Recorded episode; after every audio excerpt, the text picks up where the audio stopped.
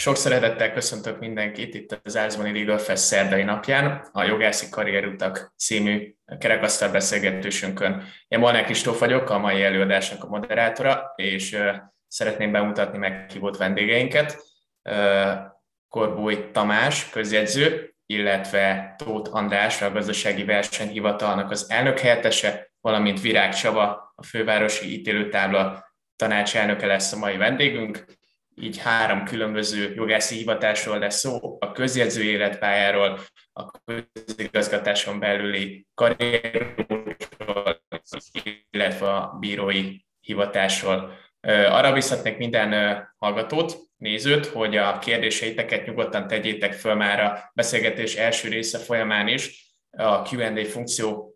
használtával tudtok majd kérdezni, ezeket én összegyűjtöm, és az előadás második felébe tolmácsolom majd a vendégeinknek, illetve a chat funkciót is használhatjátok, hogyha odaírjátok be a kérdést, azt is látni fogjuk, és arra is igyekszünk majd válaszolni. És el is indítanám akkor a, a beszélgetést. Elsőként a, a kezdetekről kérdezném a, a vendégeinket, gyerekként is jogásznak készültek-e, és mi alapján választották a jogi egyetemet, ezen a, az első kérdésem, és elsőként Tamást kérném meg válaszadásra. Hát először is köszönöm szépen, hogy jelen lehetek ezen a beszélgetésen, mert ritka az, amikor, az, amikor arra egyáltalán azt az ember tapasztalhatja, hogy hogy valaki beszámol arról, hogy mi, mi, hogy is kezdődött el benne a pálya iránti vonzódás, meg hogyan, hogyan találta meg a saját hivatását, és szerintem a legbelsőségesebb dolgok egyike egyébként, szóval jó sok idő eltelte után baráti beszélgetések lyukadnak ki ide, hogy, hogy mégis veled mi történt, és mi előzte meg ezt a, ezt a döntést. Én bennem gyerekkoromban nem körvonalazódott ez, leginkább a, a zenei pálya iránt érdeklődtem, és nem is a tehetségem hiánya volt az, ami eltántorított, hanem leginkább a, a, valahol dolgozott bennem a, a, az igazságérzet és a, és a, a békevágy a, az emberek közötti vitáknak a, a, a, a középpontjába általában én a, én a béketeremtés oldalán álltam mindig, és a, az egyik unokatestvérem volt az, aki, aki jogi pályára indult, és egyébként a családban volt múltja jogászi pályának, csak az egy időre megszakadt, tehát én magam nem láttam a saját közvetlen környezetemben annak idején bírát ügyészt, mint ahogy azt egyébként a család múltja jelezte, hogy volt ilyen. De, a, a, de valahol kiütközött ez a, ez a vonzódás, és, és a gimnázium vége felé döntöttem úgy, hogy, hogy, hogy, hogy én a jogi pályára szeretnék menni, és jelentkeztem is így az egyetemre. Igazából Lutri volt, tehát nem láttam magam előtt ö, olyan klasszikus jogászpályát ö, működni, mint amit sok szerencsés évfolyamtársam mondjuk látott maga előtt, saját magamnak kellett ezen, ezen az úton elindulni, de nem, nem éreztem csalódást. Köszönöm szépen a, a választ, Tamás, és akkor át is adnám a szót Andrásnak. Szerintem is gyerekként az készül erre a pályára, aki nek a szülei vagy a nagyszülei ezt a, ezt a hivatást követték, és akkor gyerekként ezt, ezt látta, és akkor ezt,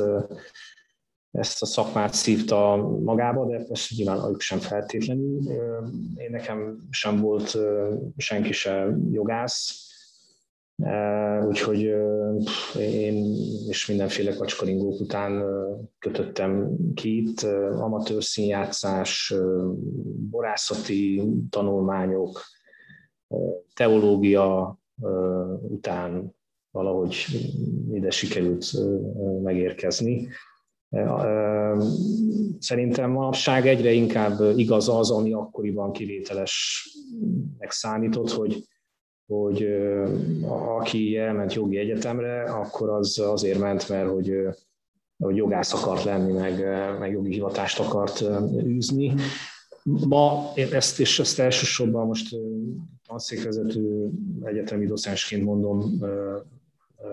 ben dolgozom jogi felsőoktatásban, hogy, hogy az, ami régen kivételes volt, most ez az általános, tehát hogy, hogy egyre több az olyan, az olyan hallgatónk, aki,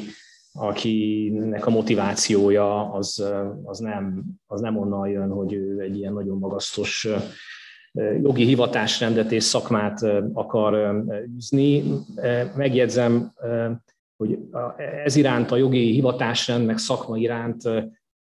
nincs is meg feltétlenül az a tudás, hogy ez mit jelent ez a. Tehát ami még mondjuk nálunk a 90-es években még az utolsó nagy mohikánok még ott éltek és, és tanítottak az egyetemen, és tudtuk, hogy ez mit jelent. Most nem akarom saját magamat is degradálni, mint már nem ebbe a körbe tartozó, de ez az igazság. Ma már a fiataloknak a jogi hivatás meg a szakma nem azt jelenti, amit a 90-es években adott esetben jelentett. Tehát, hogy, hogy az, ami akkor kivételes volt, én azt látom, hogy ma inkább ez a fő szabály. Tehát, hogy a, a többség nem azért megy jogi egyetemre, hogy, hogy egy, egyébként által nem is ismert jogi tiszteletre méltó, nem tudom milyen pályát befusson, hanem mert azt gondolja róla, és egyébként valahol én is ezt gondoltam róla, de akkor én ezzel kivételesnek számítottam, hogy ez egy olyan végzettséget ad, ami az életben való elboldoguláshoz egyen jobb skilleket ad. Na most egyébként ez meg egy külön érdekesség, majd esetleg beszélgethetünk, hogy miközben így megváltozik a hozzáállása a, a, a mostani generációnak ehhez a, ehhez a szakmához, közben se a jogi felsőoktatás, se a jogi szakvizsgarendszer gyakorlatilag ezt nem követi le. Tehát ahogy annak idején én például skillekért mentem, ez hatványozottan igaz, miközben az egyetemi oktatás, meg a szakvizsgarendszer az továbbra is őrzi a régi eh, jogtudományi oktatásnak a, a, a tüzét, és gyakorlatilag semmit nem sikerül megérteni egyelőre még az idők szavából, de most nem akarok előre haladni, majd esetleg beszélhetünk erről, a, oda, oda jutunk. Köszönöm szépen, András, és akkor Csabát is megkérném a válaszra. Szerbusztok, mindenkit köszöntök eh, ezen a gyütléten. Én, amennyire emlékszem, egyáltalán nem akartam eh, soha jogász lenni, amíg nem felvételiztem. Legelőször talán szemetes, ez elég sokáig tartott. Eh, aztán igazán a bírói pályával a Monty Python sketchben találkoztam, amikor azt hiszem a bíró arra ítélte a nagyon csinos tanút, hogy vigyék fel a kecújába. Ez, ez volt az első találkozás, és egy nagy szerelem kezdete, egy szimpátia a szakma irán. Tehát egyáltalában nem valóban egy időhúzás jellegű volt, és ahogy a eltén tanítok, és meg szoktam kérdezni a hallgatókat, hogy milyen irányba érdeklődnek, merre szeretnének venni, és gyakorlatilag mindenki időnyerésben van, tehát én is így voltam, hogy addig sem kellett konkrétan pályát választani, még a jogi egyetemre e, jártam, e, mert fogalmunk nem volt, vagy amikor én felvételiztem, legalábbis fogalmam nem volt a családi hagyományok hiányában, hogy milyen e, jogászi hivatásrendek vagy karrier utak vannak. Tanítani szerettem volna leginkább, és annyi látszott, hogy tanárként a megélhetés bonyolultabb és nehézkesebb mint eh, jogászként, úgyhogy egy időnyerés és ilyen financiális, eh, földhöz ragadt materiális szempontok vezettek a jogi egyetemről, mert fogalmam nem volt, hogy eh, mi, mi várott skillekről, vagy bármiféle ilyen képességekről, ilyenekről fogalmunk nem volt. Ezt 91-ben járunk, tehát a rendszerváltás után vagyunk, tehát a tudatosság és a tudatos pályaválasztás, én amennyire emlékszem, ott nem volt annyira általános, tehát egy kicsit esetleges volt az időszak a rendszerváltás után, és minden olyan izgő mozgó volt, tehát kevés biztos pont volt. Már érintelegesen szóba került, hogy a, a régi nagytanárok még, még ott voltak az egyetemeken bőven ebbe az időszakban, úgyhogy erre, erre tennék fel most egy olyan kérdést, hogy volt-e olyan oktatójuk, mentoruk, aki nagy hatással volt önökre az egyetemi évek alatt, és most akkor András kérném, hogy kezdje a választ. Hát nekem, nekem nagyon szerencsém volt, mert csak ilyenek, csak ilyenek tudok beszámolni, mindegyik mindegyik professzorom kiérdemesült, kiváló óriási szaktekintés, sok esetben generációs, generációk óta szakmát művelő ember volt, de mondjuk én nekem még volt mellette egy, egy ilyen addicionális hozadék, hogy én szakkollégista is voltam itt Budapesten. És a szakkollégium az, az, egy, az ott a 90-es években egy, egy ilyen külön, világot jelentett, meg biztos jelent most is, most nyilván annyira már nem vagyunk benne, de, de ott akkor ez a, ez a mentor téma, ez, ez már akkor ott nagyon komoly volt. Amellett egyébként, hogy a szakkollégiumban külön voltak óráink, meg eleve ugye a, a demokráciával kapcsán nagyon sokat lehetett tanulni a politikának a működéséről, de, de a maga, maga a mentori rendszer a szakkollégiumban, az tulajdonképpen én annak köszönhetek mindent. Tehát, hogy, hogy, hogy ott, ott mellénk lett állítva már nagyon korán, tudatosan mindenki meg lett mérve, meg lett nézve, hogy ki mit tud, ki miben jó. Az nagyon-nagyon visszaigazolódott, hogy, hogy nincs más, csak a tudás. Tehát ennek, ennek nincs helyettesítője. Tehát a, semmi más nem számít, csak ez. Tehát mondhat bárki bármit, tudjuk, hogy a pénzt azt nem feltétlenül ész szerint osztják, de minden nap ezt a megerősítést kapom vissza, hogy csak a tudás számít, és ez nagyon komoly alapokat kapott ott a, szakkollégium oktatásban is. És hát az, hogy mentor lett mellénk állítva, az, az, az, az, az később az, az determinatívnak tűnt. Tehát annak köszönhetek tulajdonképpen mindent, utána el tudtam indulni, hogy, hogy, hogy be tudtam kerülni egy ilyen mentorprogramba. Köszönöm szépen, most átadnám a szót Csabának. Köszönöm szépen. Valóban a mentorok és a pályára irányító tekintétek óriási hatása van. Én a büntetjog tanszéken voltam demonstrátor, és Bús Béla volt rám nagy hatással sajnos börtönbe került egy idő után, most legutóbb meg Tocsik ügybe vált erővé, tehát ez egy tévedéses választás volt, és a büntetőjogot is elhagytam, de Vékás Lajos professzor úr szemináriumára jártam, és ott ott világlott ki az a tudás, de nem csak a jogi tudás, hanem ugye a világról,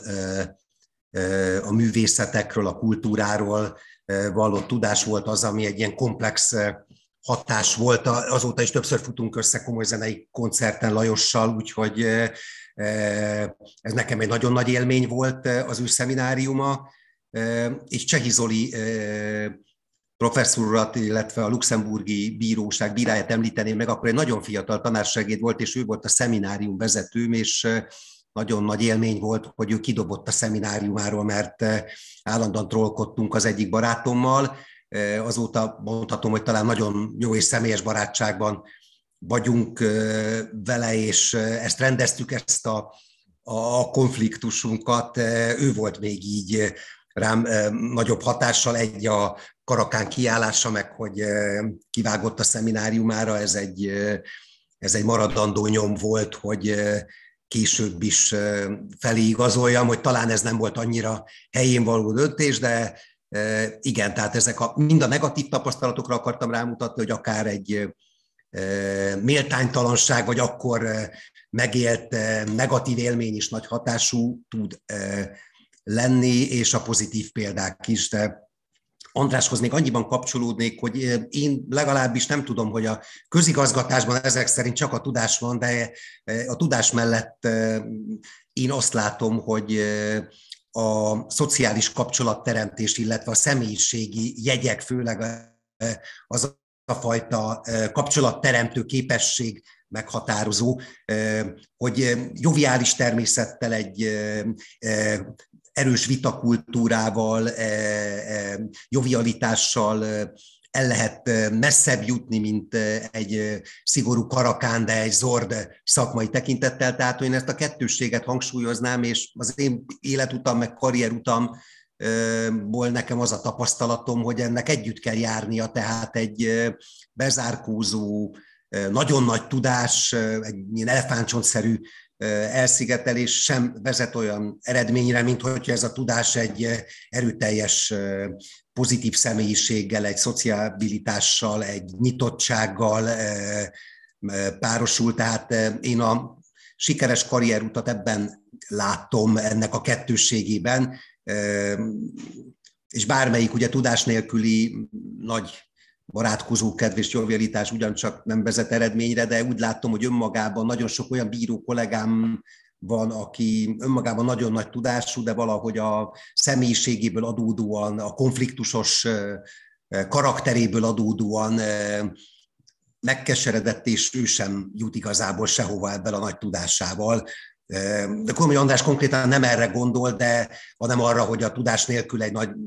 jogi tudás nélkül egy blöffként nyilvánvalóan nem járható ez a pálya. Tehát aki azt gondolja, hogy bármelyik jogi hivatásrend egy nagyon elmélyült dogmatikai tudás nélkül járható, abban egyetértek Andrással, hogy nem. Ennyi kiegészítést akartam hozzáfűzni, hogy a bíróságon legalábbis nekem ez a tapasztalatom, mentorok, egy szociális támogató közeg nélkül nagyon nehéz előre jutni, és nagyon magányos tud lenni az ember. Köszönöm szépen, hogy Tamást is megkérném a válaszra. Hallgatva a többieket, nekem a, az egyetemi emlékeim közül tényleg reneszánsz nagy formátumú, tényleg multidisciplináris tudású emberek, ből azért már nem sok maradt. Tehát Andráshoz csatlakozva valóban a klasszikus, a, a, a kódexek kommentárjain olvasható nevek már nem voltak abban a abban az időszakban jelen, amikor én jártam egyetemre, én a Pázmányra jártam, nálunk a, a aki rám nagy hatással volt, igazából sok mindenki volt rám nagy hatással, pozitív és negatív hatással is, és ez egyaránt befolyásolja szerintem azt, hogy, hogy ki milyen irányba orientálódik. Tehát nálunk sok volt a, a, a fiatal, lelkes, jó, jó szemléletű szemináriumvezető, aki, aki, aki rettentő sok energiát belefektetett pont ebbe a hálózat építésbe és keresésbe, amit Csaba is említett, tehát hogy alakuljon ki valódi kapcsolat az emberek között, uh, idézőjelbe kihelyezett szemináriumokon keresztül is akár. Tehát a gesztenyés kertbe ott lehetett maradni, üldögélni, és ezért lehetett kapcsolatban maradni a, a, az oktatóval órán kívül is. Volt, aki áldozott a szabad idejéből erre szerintem elég sokat, és nem, nem, nem csak a lazaság kedvéért, és nem csak a, a, a hasonló generációnak a kapcsolatkeresései voltak e és ott voltak tényleg a nagy formátumú személyiségek, Zlinszki János, aki, aki ezt beülni egy, egy órára, egyszerűen olyan lenyűgöző, ö, ö, egy lenyűgöző tudással találkozott ott az ember, ami, ami, ami generációk óta halmozódik valakiben, és olyan valakiben, aki ezt át is tudja adni, élményszerűvé tudja tenni a, a, a legszárazabb, legnehezebben évezredek, évezredes leíratokból kitermelt tudást is élvezhetően tudja átadni, tehát aki úgy magyarázza a kondektistákat, mint hogyha itt lennének körülöttünk, tehát hogy hihetetlen élmény volt nála egy órán részt venni, vagy mondjuk amit ő keresztény erkölcs és jogászi etika címén tartott szemináriumot, az egyszerűen egy, egy olyan egy olyan hiánypótló óra volt, vagy egy olyan hiánypótló foglalkozás volt, ahol az ember megkapta azt a képzést, hogy, hogy mit is jelent a szakmai etika egy, egy klasszikus jogász számára. És hogyha ezzel a szemüveggel próbáltuk megnézni aztán a későbbieket, akkor bizony szerintem meg is kellett tennie mindenkinek felelősen azokat a distinkciókat, hogy kihez szeretne idomulni, kihez szeretne hasonulni, ki a példakép. És, és ez rám nagyon nagy hatással volt, és a későbbiekben egyébként a, a gyakorlati helyeimben, a, a, az ügyvédirodákban, a, a közjegyzőknél eltöltött időben is meglátszik, hogy, hogy azt kerestem, azt a példaképet kerestem igazából, aki ezen az úton engem elindított gondolkodásban. És ez megvolt fiatalok, fiatalok között is, például azóta már ha jól tudom, most nem is, nem, nem is akarok belemenni, nem, nem vagyok benne biztos, hogy hol dolgozik ő azóta, de mondjuk Halás Zsolt, aki a pénzügyi tanszéken volt akkor szemináriumvezető, és, és, és tudom, hogy, hogy, hogy őrületes tudása volt, és mondjuk szerintem a, a nála értettem meg a, a, a, a hozzáadott értékkel kapcsolatos fogalmakat és a, az adózási alapfogalmakat nagyon érdekesen tudta ezt szemléltetni. Piszkos jó rálátása volt, nem száraz, nem könyvfelolvasás volt, hanem, hanem olyan élő példákon keresztül magyarázott, ami mindenki számára megértette, hogy miről van szó. Voltak olyan lenyűgöző tudású fiatalok, akik, akik, akik aztán nem futottak be nagy karriert. Egyébként, pont azért mert én azt gondolom, így utólag, hogy sokan felütköztek egyébként bizonyos szakágak szervezeti kérdéseire, meg problematikájára, tehát hogy nem feltétlenül volt alkalmas az ember, hogyha, hogyha, hogyha nem állt be a sorba, és az ezzel kapcsolatos tapasztalatok is nagyon jók voltak, hogy voltak, mert nem mentünk fejjel a falnak feltétlenül, hanem szépen tartalékoltuk az energiáikat arra, arra a pillanatra, amikor, amikor lehetett egy picit törni a falon. Szóval szerintem mindenki hozzájárul, minden tanár hozzájárul, minden oktató hozzájárul ahhoz, hogy az ember merre felé orientálódik, az is, aki rossz, meg az is, aki nagyon-nagyon jó. Köszönöm szépen a választ. Közben szeretném a nézőinknek is jelezni, hogy ők is feltettnek majd kérdéseket, nyugodtan küldjék be a beszélgetés során, és a végén kitérünk rá. És most pedig térjünk is át a konkrét hivatásokra, mert a legtöbb nézőnk biztosan erre kíváncsi. Azon az első kérdésem, hogy egyrészt az önök hivatására, mindenki sajátjára, hogyan néz ki az a belépő, vagy hogyan kerülhet valaki be ide, és önöknek annó ez hogyan sikerült, miért emellett döntöttek. És első, első sor, vagy először a bírókat, és Csabát szeretném kérdezni. Akkor ez talán én vagyok a, a, a, a bírók. Maga ugye a bírói hivatást nekem is úgy alakult, hogy a szakmai gyakorlatot kellett eltölteni, és akkor már egyetemen én ingyen vállaltam munkát egy polgári, majd egy büntető ügyvédnél is, ebből kiderült számomra, hogy ez a hivatás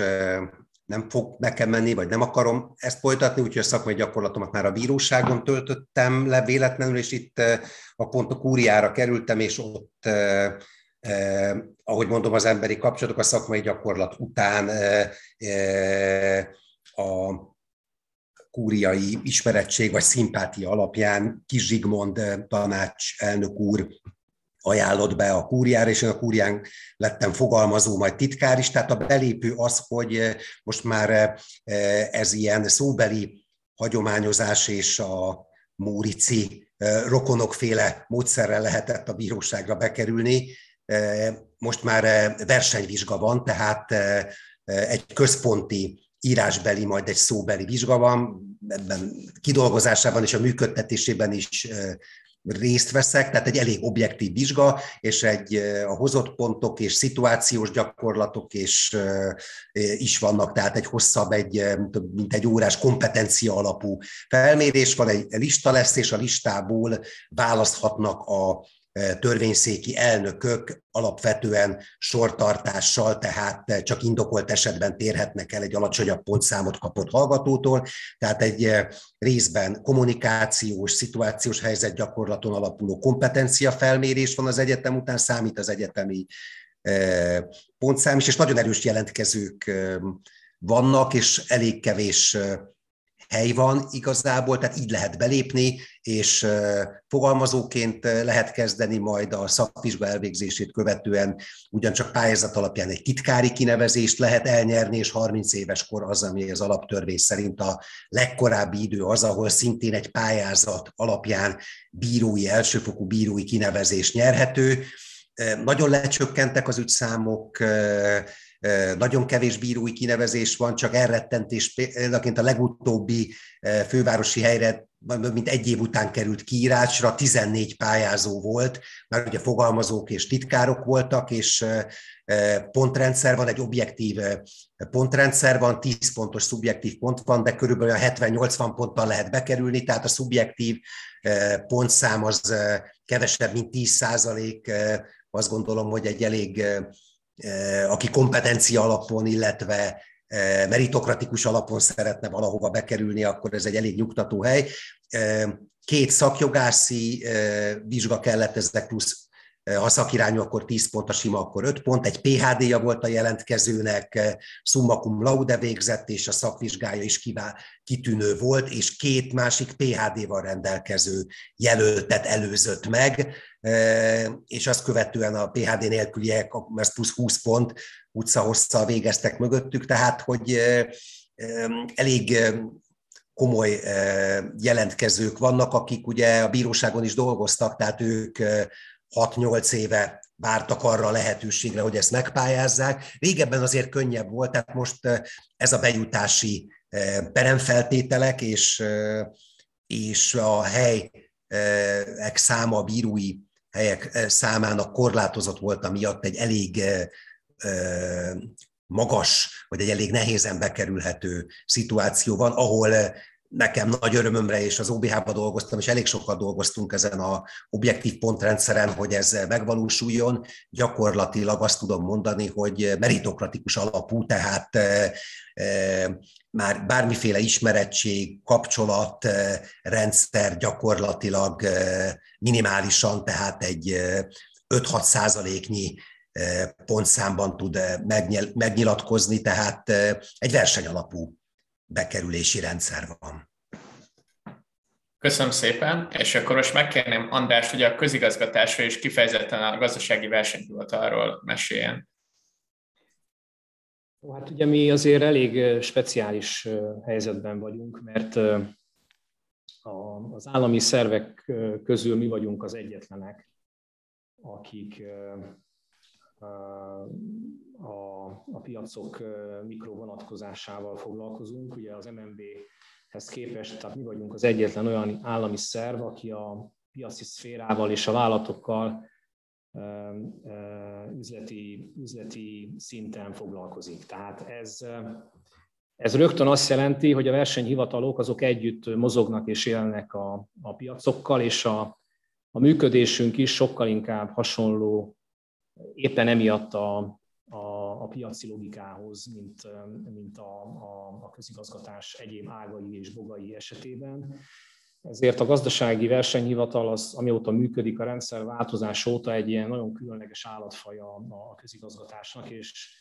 éppen emiatt soha nem volt utánpótlás gondunk, mert hogy a, a fiatalok körében is elég népszerű a, a versenyhivatalnak a, a brendje, Leginkább annak köszönhetően, hogy innen aztán elég jól lehet dobbantani elég jó helyekre, és hát ez az előnyünk, ez egyébként a hátrányunk is, mert ezt elég gyakran meg is teszik. Tehát nagyon jók vagyunk a pályakezdőknek a, a felvedésében, nagyon jók vagyunk a tehetséges pályakezdőknek a, a, fel, a felvedésében, tehát értve az alatt, hogy olyan hallgatók, akik az egyetemi tanulmányaikat nem csak komolyan vették, de mondjuk külföldre is elmentek, és mondjuk Erasmus keretében nem csak bulizni feltétlenül, hanem azért, hogy ott valami érdemleges tudást szerezzenek, mondjuk például versenyjogból, amit nyugat-európai egyetemeken sokkal magasabb szinten lehet megtanulni, mint mondjuk magyarországi jogi egyetemeken vagy, vagy nyelvek, nyelveket tanultak, vagy mondjuk a jog mellett csináltak egy második diplomát, jellemzően közgazdaságtant. Meg, meg tudjuk tenni, hogy ilyen hallgatókkal kezdünk, vagy ilyen hallgatókat tudunk az elején fogadni, és e tekintetben versenyképes bérezést is tudunk nekik ajánlani már az elején. Sajnos, ami a bérezést illeti, későbbiek folyamán ez az előnyünk, ez elolvad a piachoz képest. Tehát azért azt is látni kell, hogy formailag a közigazgatás részei vagyunk, tartalmilag nagyon, nagyon közeli a működésünk a piachoz, Tehát mi tényleg a legnagyobb piaci szereplőkkel dolgozunk, a legnagyobb ügyvédirodákkal dolgozunk, és a legkomolyabb ügyekkel dolgozunk. Tehát most, hogyha csak így ránézek, hogy kikkel voltak ügyeink az elmúlt egy évben, tehát Facebook, Viber, TikTok, Google, tehát az, hogy, hogy, hogy, hogy, hogy ilyen cégekkel dolgozunk, és az ügyvédeikkel, ez azért ez egy egészen más színvonal és magasság, szakmai értelemben is. Később nem tudunk nemzetközi értelemben véve sem versenyképesek maradni fizetésbe, tehát azok maradnak itt hosszú távon, akik számára ez a, ez a szakmai munka, ez a napi kihívás, ami nincs átlagos nap nálunk, akit ez megérint,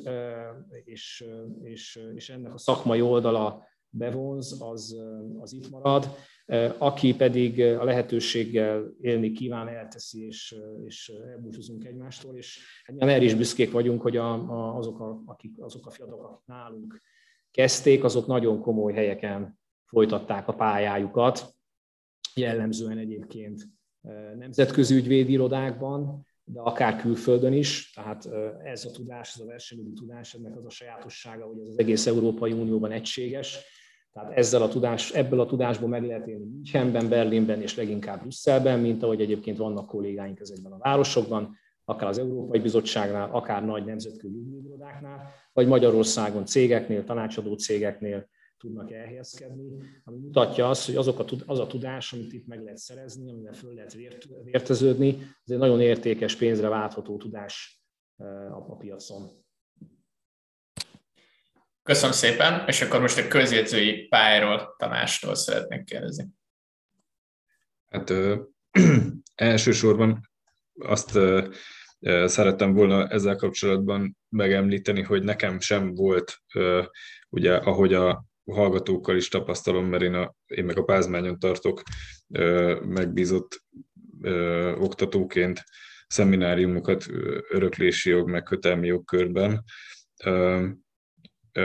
Tapasztalom, hogy nem nagyon ismerik a közjegyzői hivatásrendnek egyáltalán a,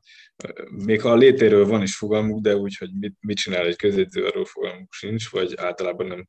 találkoznak ezekkel a, ezekkel a nem peres eljárásokkal, amik ránk vannak telepítve, mert mert az eljárásjogi kurzusok is már le vannak építve annyira, hogy, vagy le vannak pusztítva annyira, hogy ne nagyon találkozzon az ember az egyes közédzői nem peres eljárásokkal, esetleg a hagyatéki eljárásról tudják nagyjából, hogy az, az nem bírósági hatáskör, de, de viszonylag kevés egyéb eljárást tudnának mondani, és és azzal kapcsolatban én nekem sem volt addig tudásom, amíg el nem mentem egyetemistaként gyakorlatra egy, egy, egy közjegyző irodához, aztán, ahol aztán több mint tíz évig természetesen egy nagyobb kitérőt ejtve visszatértem, és, és dolgoztam közjegyzőhelyettesként sokáig, hogy mivel is foglalkozik a, a, a, a közjegyző,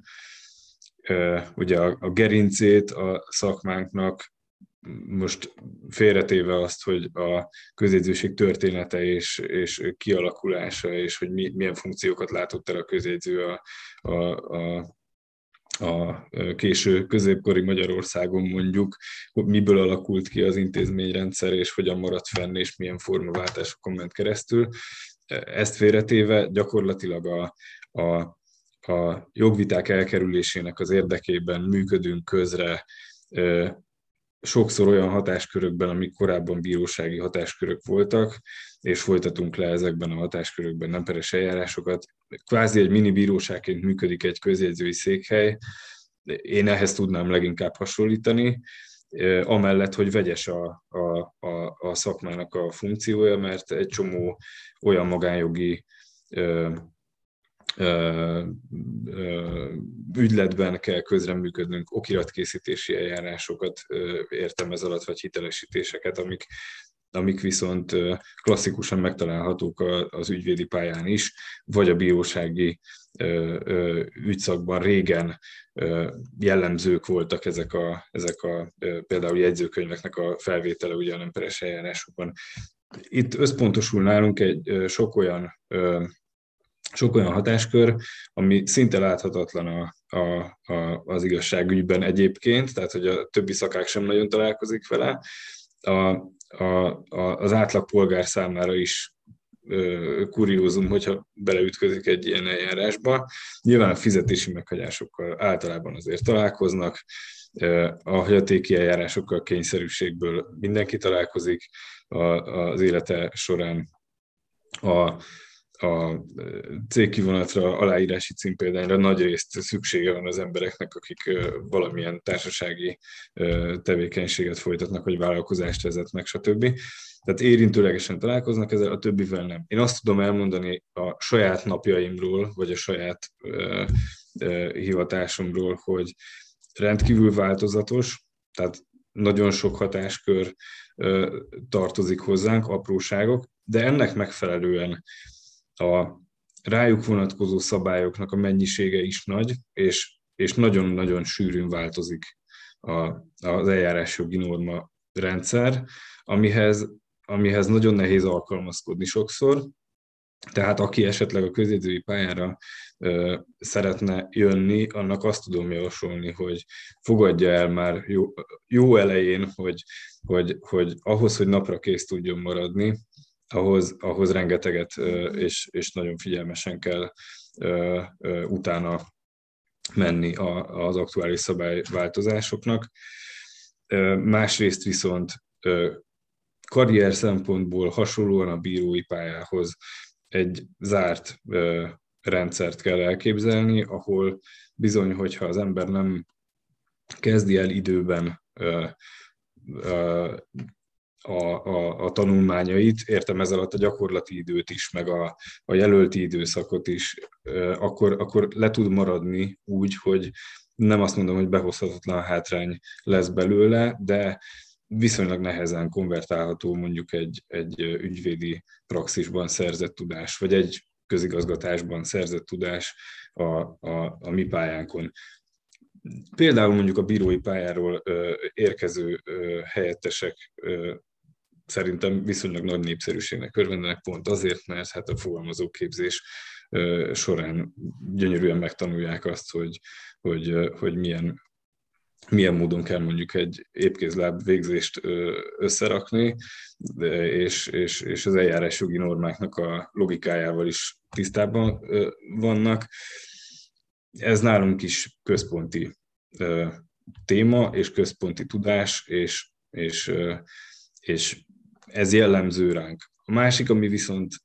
nem biztos, hogy, vagy nem tudom, majd a tanácselnök úr lehet, hogy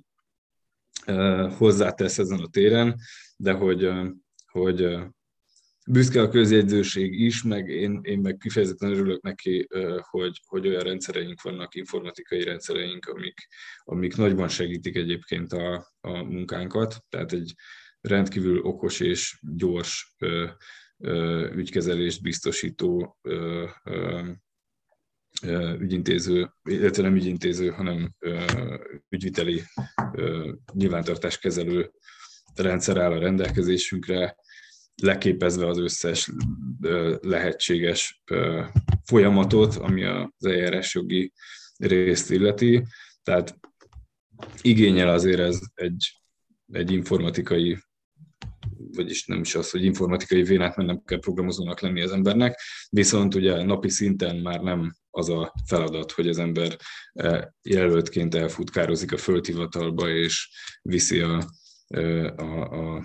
adásvételi szerződéseket beadogatni, hanem sokkal inkább a kevés papírtermés és a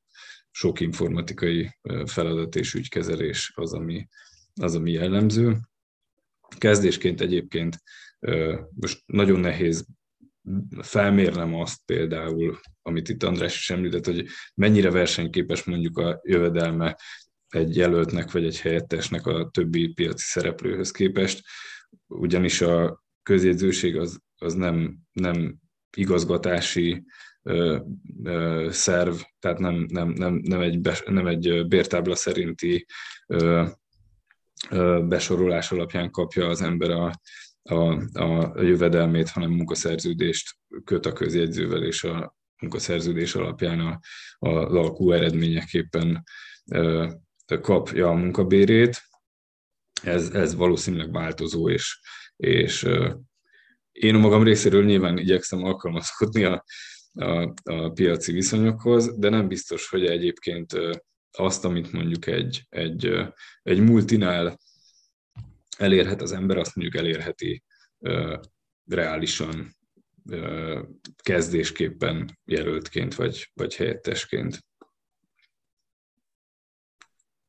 akarok a közjegyzőkre leszólni, Tamás, de ezt elhallgattad, én elmondtam igen. legalább, hogy nagyon kevés a hely és a bíróvá válás. Igen, igen, igen. De, tehát, hogy a közjegyzővé válás talán még a bíróvá válásnál is egy nehezebb út, igen, főleg, ez... hogyha valaki Budapesten akar mondjuk egy kiemelt központi kerületben közjegyző lenni, mert nyilván vannak olyan vidéki közjegyzői státuszok, ahol kevés a jelentkező, csak bíró kollégákat tudom, akik megpróbáltak uh-huh. ilyeneket pályázni, tehát egy közjegyzői helyre ilyen nem ritka 20-30 jelentkező sem, és akik elnyerik, ezek tehát 40 év alatt én nem is hallottam az utóbbi időben, ilyen 15-20 éves jelölti időkről viszont annál inkább, tehát is. Hogy, Tehát részben, aztán részben... jól mondtad, hogy aki közjegyző akar lenni, az egy hosszabb kitartó jelölti Igen. időre készülhet, tehát hogy pár év alatt valaki közjegyző lesz, ez gyakorlatilag egy-két hát, vidéki, vagy nagyon szerencsés közjegyző. Azt, azt tudom, bocsánat, nem is akartam a szabadba vágni, csak hogy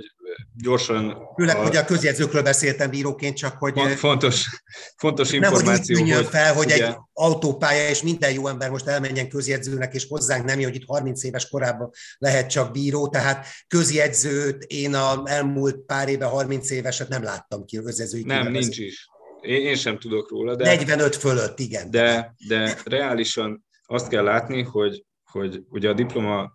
jogi diploma megszerzését követő három év után ugye elkezdheti a szakvizsgát a, a, a közjegyző jelölt, mert addig jelölt, amíg nem szakvizsgázott, utána köthet munkaszerződést helyettesként. A helyettesi időt pedig helyettesi idő tekintetében szintén van egy három éves periódus, ami viszont annyit jelent, hogy a közjegyzői vizsgát, amit a ami a pályázatnak egyébként a feltétele, azt le kell tennie mindenkinek, aki egyáltalán pályázni akar.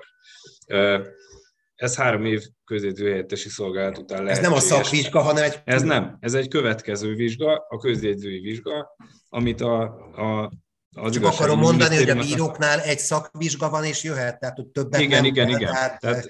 nálunk igen, ilyen plusz a... bemeneteli követelmények nincsenek. Van plusz bemeneteli követelmény, ez ugye most nem akarok belemenni a részletekbe, hogy miért és hogyan alakulhatott így. Nyilván ott az állampolgársági klauzulával kapcsolatos uniós bírósági döntések, meg stb. az hozzájárult azért ehhez, hogy valamilyen módon azért mégiscsak lehessen egy kicsit korlátozni a hozzáférést a, a, a, az igazgatási ágnak ehhez a részéhez, de hogy az külön, igen, az egy külön a szakvizsgához képest is egy, egy, egy plusz szakvizsga, és, és, és idézőjelbe szakvizsga, mert, mert csak a, csak a közjegyzői hatáskörökkel kapcsolatos vizsga. Ha ez megvan, akkor még mindig ugyanúgy, mint a bírósági rendszerben van egy pontrendszer, ami objektíve hozzárendel a, a, a, a pályázóhoz a, a, a, a szakmai eredményei alapján pontokat. Ez is egy követhető, tehát a nyilvános pontrendszer van, és ezt követi egyébként a, ugye egy meghallgatás akkor, hogyha az ember pályázik a megürült székhelyre, megnyílt székhelyre, és ezt a meghallgatást az adott területi kamarának az elnöksége tartja, és az itt elért eredményeket, eredmények alapján egy, egy sorrend alakul ki a pályázók között, és annak megfelelően az igazságügyi miniszter nevez ki közjegyzőt ugye határozatlan időre, és a nyugdíjkorhatár betöltésével. Más javíts ki, azt hiszem úgy tudom, az igazságügyminiszter a rangsor első három helyezettjéből bárkit választhat. Igen. Igen a, a bírói kinevezés esetében a rangsorban első helyen végzettet kell kijelölni, és Igen. hogyha el kíván térni a kinevező a törvényszék elnökével, az országos bírósági tanács elé kell terjesztenie az indokolt javaslatot, és csak a tanács jóváhagyásával térhet el a kinevező a kinevező a rangsortól, tehát itt a diszkrecionális jogkör gyakorlása nem automatikus az első három,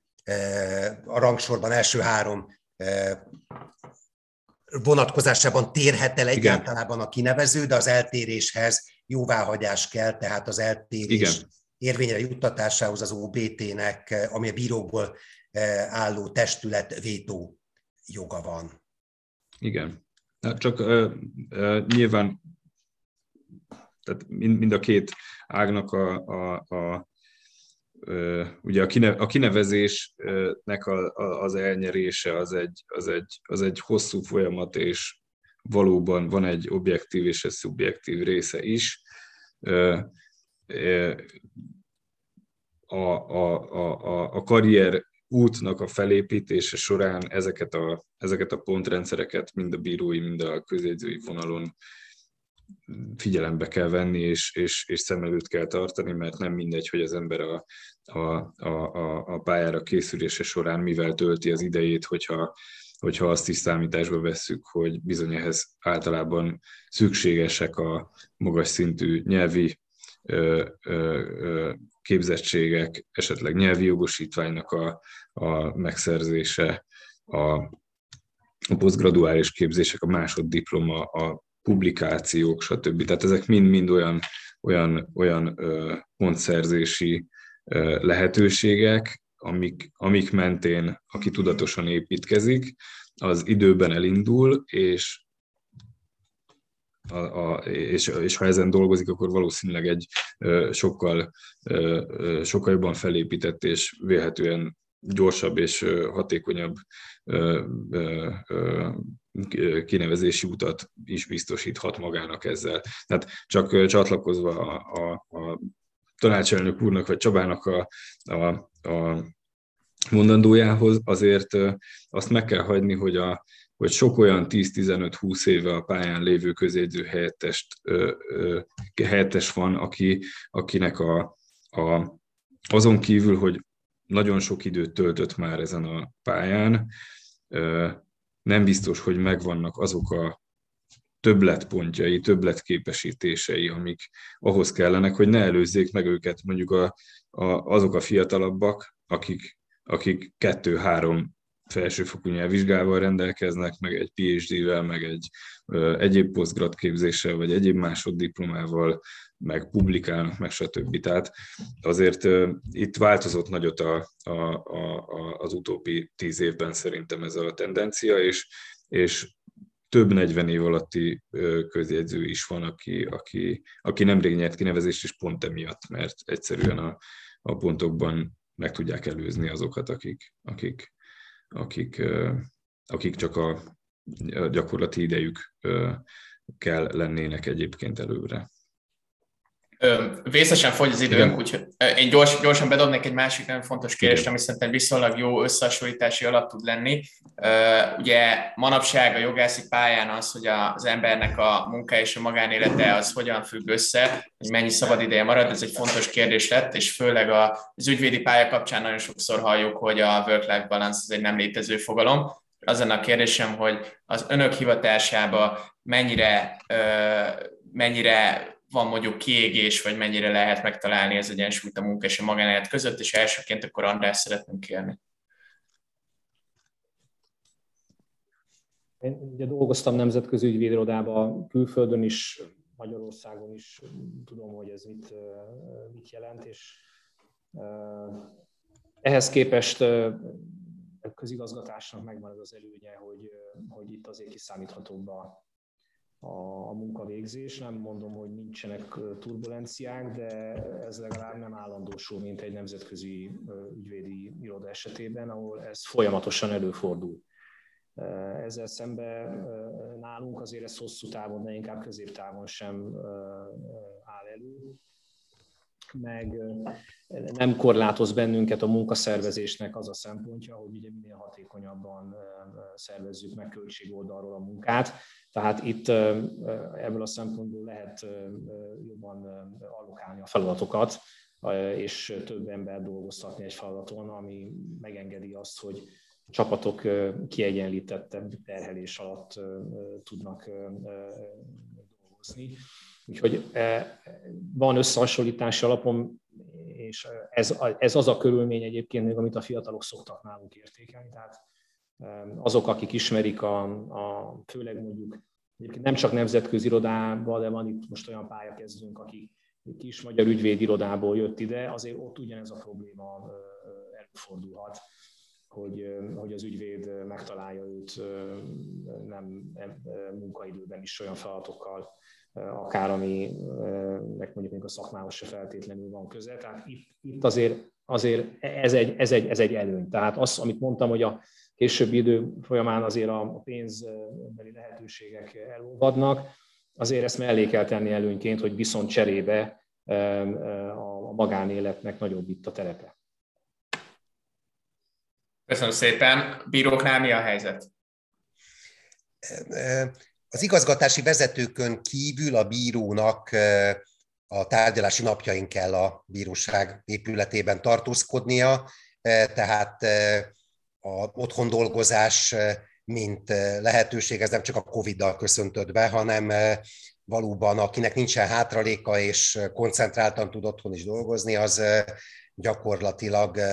két nap bírósága. Ugye az első évben nem kaphat otthon dolgozási kedvezményt a bíró, titkárnak már szoktak adni, tehát hogy elég szabadon lett ez kezelve, mert határozatot szerkeszteni, határozatot írni bárhol lehet igazgatási vezetőnek még egyszer minden nap bent kell lenni, azon kívül a bírói munka nagy részt saját időbeosztással. Nálunk van egy óriási előny, és aki bármilyen hierarchizált szervezetben, illetve bármilyen főnök létét nem bírja elviselni. Ugye a bíró kinevezésétől kezdődően saját aláírási joggal rendelkezik, döntéshozatalában, munkájában, szakmai munkájában, tehát hogy hány ügyet tűzzön ki, melyiket, mikorra, hogyan tárgyalja, mikor halassza el, újra mikorra tűzze ki, nem utasítható, számon se kérhető, tehát igazgatási keretekben ilyen átlagos számok vannak, és ha annak megfelel a bíró, akkor semmilyen formában. Három évenként van vizsgálata, ott egy szakmai, magasabb fokú bíró vizsgálja a szakmai munkáját, ezek egy 60-70 oldalas leírások, ügyenként 50 ügyet véletlenszerűen kiválogatva elemeznek végig, amire a bíró észrevételeket tehet, tehát gyakorlatilag azt tudom mondani, hogy kontroll nélkül, utasítási rendszer nélkül, főnök nélkül dolgozik egy bíró teljesen szabá időbeosztásban. Ez nyilván nagy felelősség is, és sokaknak, akiknek ez nem működött, hogy a, a nincsen valakinek döntési képessége, illetve e, önmagából eredő feszesebb munkabeosztása, akkor senki nem fogja ezt neki diktálni, és senki nem fogja ezt e, számon kérni tőle, e, de egy óriási szabadság van, és később a a bíró előmenetelében, meg rutinjából adódóan, hogyha ő tűzi ki a saját ügyeit, pontosan tudja, hogy milyen ügynek milyen időigénye van, melyik fog beérni, tehát júniusra milyen ügyeket tűzek ki, véletlenül sem olyanokat, amelyekben ítélet várható, tehát egy pár év tapasztalat után egy óriási mozgástér van és óriási szabadság van, amivel hát majdnem azt tudnám mondani, hogy vissza is lehet élni, de gyakorlatilag inkább úgy fogalmaznék, hogy pozitívan lehet élni e, ilyen szempontból. E, tehát egy nagyon nagy szabadság van, főnök nélkül dolgozhat a bíró, utasítás nélkül. E, nem is tudom, hogy e, a közjegyzők vezető nyilván e, ilyen saját maga beosztásában dolgozik, e, de hogy nagyon kevés ilyen jogászi hivatás van, ahol gyakorlatilag, a 30 éves kinevezést tekintünk, akkor már egy titkárnak e, sem nagyon van főnöke, és ő is saját aláírási joggal rendelkezik, és ugye ítéletet nem hozhat, és ideiglenes intézkedést, azon kívül bármit, tehát egy óriási szabadság van, ez egy hihetetlen nagy előny. A pályának a megosztása olyan most már inkább 70% hölgy van, tehát a gyermeknevelő hölgyek ezt nagyon előszeretettel választják ezt a pályát tekintettel arra, hogy a család, a gyereknevelése mellett gyakorlatilag szinte semmilyen csorbát nem szenved, a fiúk pedig építhetnek erőteljes karrierutat emellett. Tehát mondom, a hölgyek nagyon nagy előszeretettel választják ezt a pályát, mert ilyen időbeosztás, ilyen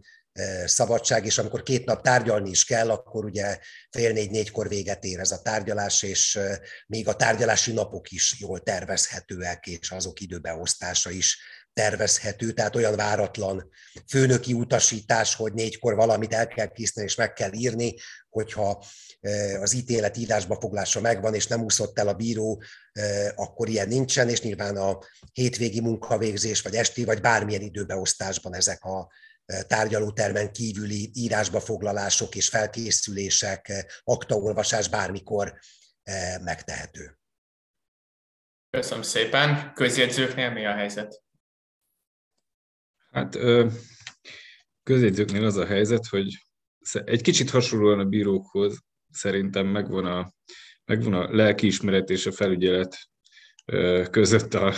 a mozgástér, tehát hogy, hogy, hogy valóban, ha, ha az ember beszeretné osztani a saját idejét, akkor megteheti anélkül, hogy, hogy, hogy, hogy, hogy ebbe bárki beleszólna. Az viszont beleszól elég rendesen, hogy ugye ezeket a hatásköröket kötelező ellátni, és nálunk ügyfélfogadás van. Tehát a,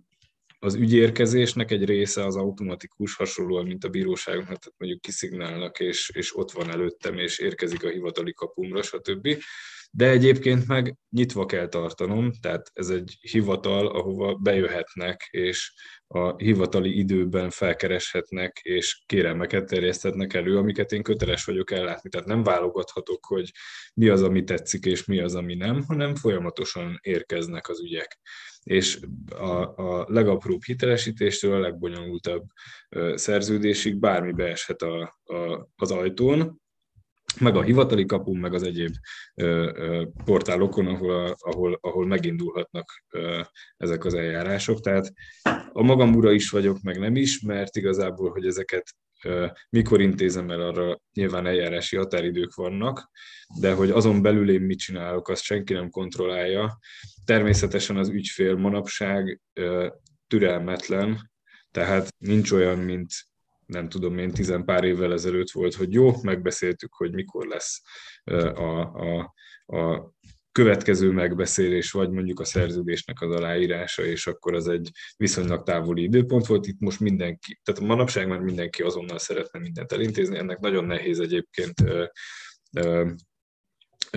ezt nagyon nehéz mederbe terelni, és, és, és nehéz ezt a napi forgalom mellett, úgyhogy ez változatos ügyfelek vannak. Tehát a, nem csak a, a, mondjuk a nemzetközi ügyvédi irodáknak a, a, a, vagy a hozzá tőlük érkező társaságok jelennek meg az ember előtt, hanem teljesen más ö, szociális és, ö, és társadalmi környezetből érkezők is, akiknek mondjuk teljesen más fajta ö, ö, kitalítást és és egyebet felvilágosítást kell adni sokszor. Tehát, hogy nagy a változatosság, nagy a forgalom, és, és nagy az érkezés. Ez azt is jelenti, hogy ki vagyok szolgáltatva a hivatali időmnek, tehát nyitva, nyitva kell tartanom, és jelen kell lennem. Ugye a közjegyző az személyesen köteles ellátni a feladatait, ez, ez törvényi kötelezettsége. Nyilván mindenki tud mindenféle példát mondani arra, hogy, hogy ki hogyan tesz ennek eleget. Én mondjuk hétfőtől péntekig biztos, hogy bent vagyok minden héten, nagyon kevés olyan időszak volt, hogy, hogy nem voltam jelen, és ez folyamatos, ezt, ezt folyamatosan el kell látni. Természetesen a közjegyzőjelölt és közjegyzőhelyettes kollégák, akiknek van korlátozott vagy akár teljes körű helyettesítési, így aláírási jogosultsága is, ők ebben ugyanúgy részt tudnak venni, és fel tudjuk egymás között osztani a feladatokat, akár ügytípusonként, akár, akár időszakonként, rotálni is kell őket, mert az is egy kötelezettsége a közjegyzőnek, hogy az alkalmazottai körében lévő helyetteseket, jelölteket folyamatosan képezze, és mindegyik ügykörben foglalkoztassa őket. Tehát olyan nincs, hogy valaki rá van állítva a fizetési meghagyásos eljárásra, és akkor azt nyomkodja egész életében, hanem minden ügykörben megfordulnak, és, és meg kell tanulniuk mindent. ez, ez azt is jelenti, hogy, hogy, hogy nagy az igénybevétel, viszont kiszámítható abból a szempontból, amit András is mondott, hogy hát egyszer csak vége van ennek a hivatali időnek, és ott bizony nem várom el én se, meg szerintem a kollégáimnak a legtöbb, vagy legnagyobb része sem várja el, hogy a, hogy a, hogy a szabad idejükben, pihenő idejükben dolgozzanak a kollégáik. Mi viszont munkaszerződés alapján kell, hogy, hogy foglalkoztassuk a munkavállalóinkat, tehát nem egyéb szolgálati jogviszonyról van szó, hanem munkaviszonyról van szó, és annak minden előnyével és hátrányával. Annyit tennék még hozzá, hogy a, a helyettes jelölt, illetve a többi alkalmazottnak a közjegyző esetében a, a, a felelőssége az ugye munkavállalói, és a közjegyző felelőssége a saját anyagi felelőssége az, ami biztosítja, hogy az ebből ered, a tevékenységével kapcsolatosan felmerülő esetleges károkért neki kell helytállnia, mindig nyelek egyet, amikor ezt kimondom. Nyilván nem tud, nem, nem tud az ember teljes kontrollban lenni mindig, de a közjegyző részéről ez elvárt, és, és ennek például rettentő nehéz megfelelni. Uh, uh, és azért vannak emlékeim, nem tudom, hogy a bíróságon kinek milyen emléke lehet, de azért hallottam én bíró ismerőstől olyat, hogy vitt, vitt már haza magával úgy ügyet, hogy kénytelen volt rá. Én is, amikor kinevezést nyertem, akkor azért rendszeresen vittem az IKS szatyorba a, a, a, a nyugdíjba vonult kollégától megmaradt folyamatban lévő ügyeket, mert hát ugye az ügyérkezés folyamatos akkor is, amikor éppen nincs itt senki, és ezeket fel kell dolgozni. Tehát azokat a hátralékokat, ami, ami, ami, ami ügyhátralék, az nálunk is így van, hogy pörög az eljárási határidő, és nem mondhatja az ember azt, hogy, hogy, hogy hát kérem, én most nem tudom, hol jártam, nem tudtam vele foglalkozni. Erre egyébként van szabály tehát, hogyha öt napot meghaladóan tartósan távol vagyok, akkor helyettesítést kell kérnem a, a területi kamarától. Tehát akkor kirendelnek helyettem a székhelyre a közjegyzői feladatok ellátására tartós helyettest. Ez, ez, ez azt biztosítja, hogy a székhely, székhely ne maradjon ellátatlanul, akkor sem, hogyha bármilyen okból távol vagyok. Köszönöm szépen a választ, Tamás, és sajnos az időnk végére értünk, még nagyon sok mindenről tudnánk beszélni, de ez az egy óra, ez egy nagyon szűkös, szűkös idősáv volt számunkra, úgyhogy szeretném megköszönni először is a vendégeiknek, hogy itt voltak velünk, tehát Korbúj Tamás közjegyzőnek, Tóth Andrásnak, a gazdasági versenyhivatalnak, az elnök helyettesének, illetve Virág Csabának, aki a fővárosi ítélőtábla tanácselnökeként volt ma jelen, illetve szeretném megköszönni a nézőinknek is, hogy velünk tartottak. Ez az előadás elérhető lesz az online felületeinken majd később, úgyhogy vissza lehet nézni, és mindenkinek javaslom, hogy a holnap, illetve a, még a ma esti programon csatlakozzon a, a Legal Festhez. Ma este lesz egy beszélgetésünk az OTP Bank és a Magyar Telekom jogi igazgatójával, úgyhogy aki a jogtanácsosi hivatást is szeretné megismerni, azt sok szeretettel várjuk ma 6 órától. Mindenkinek szép délutánt kívánok, és viszontlátásra!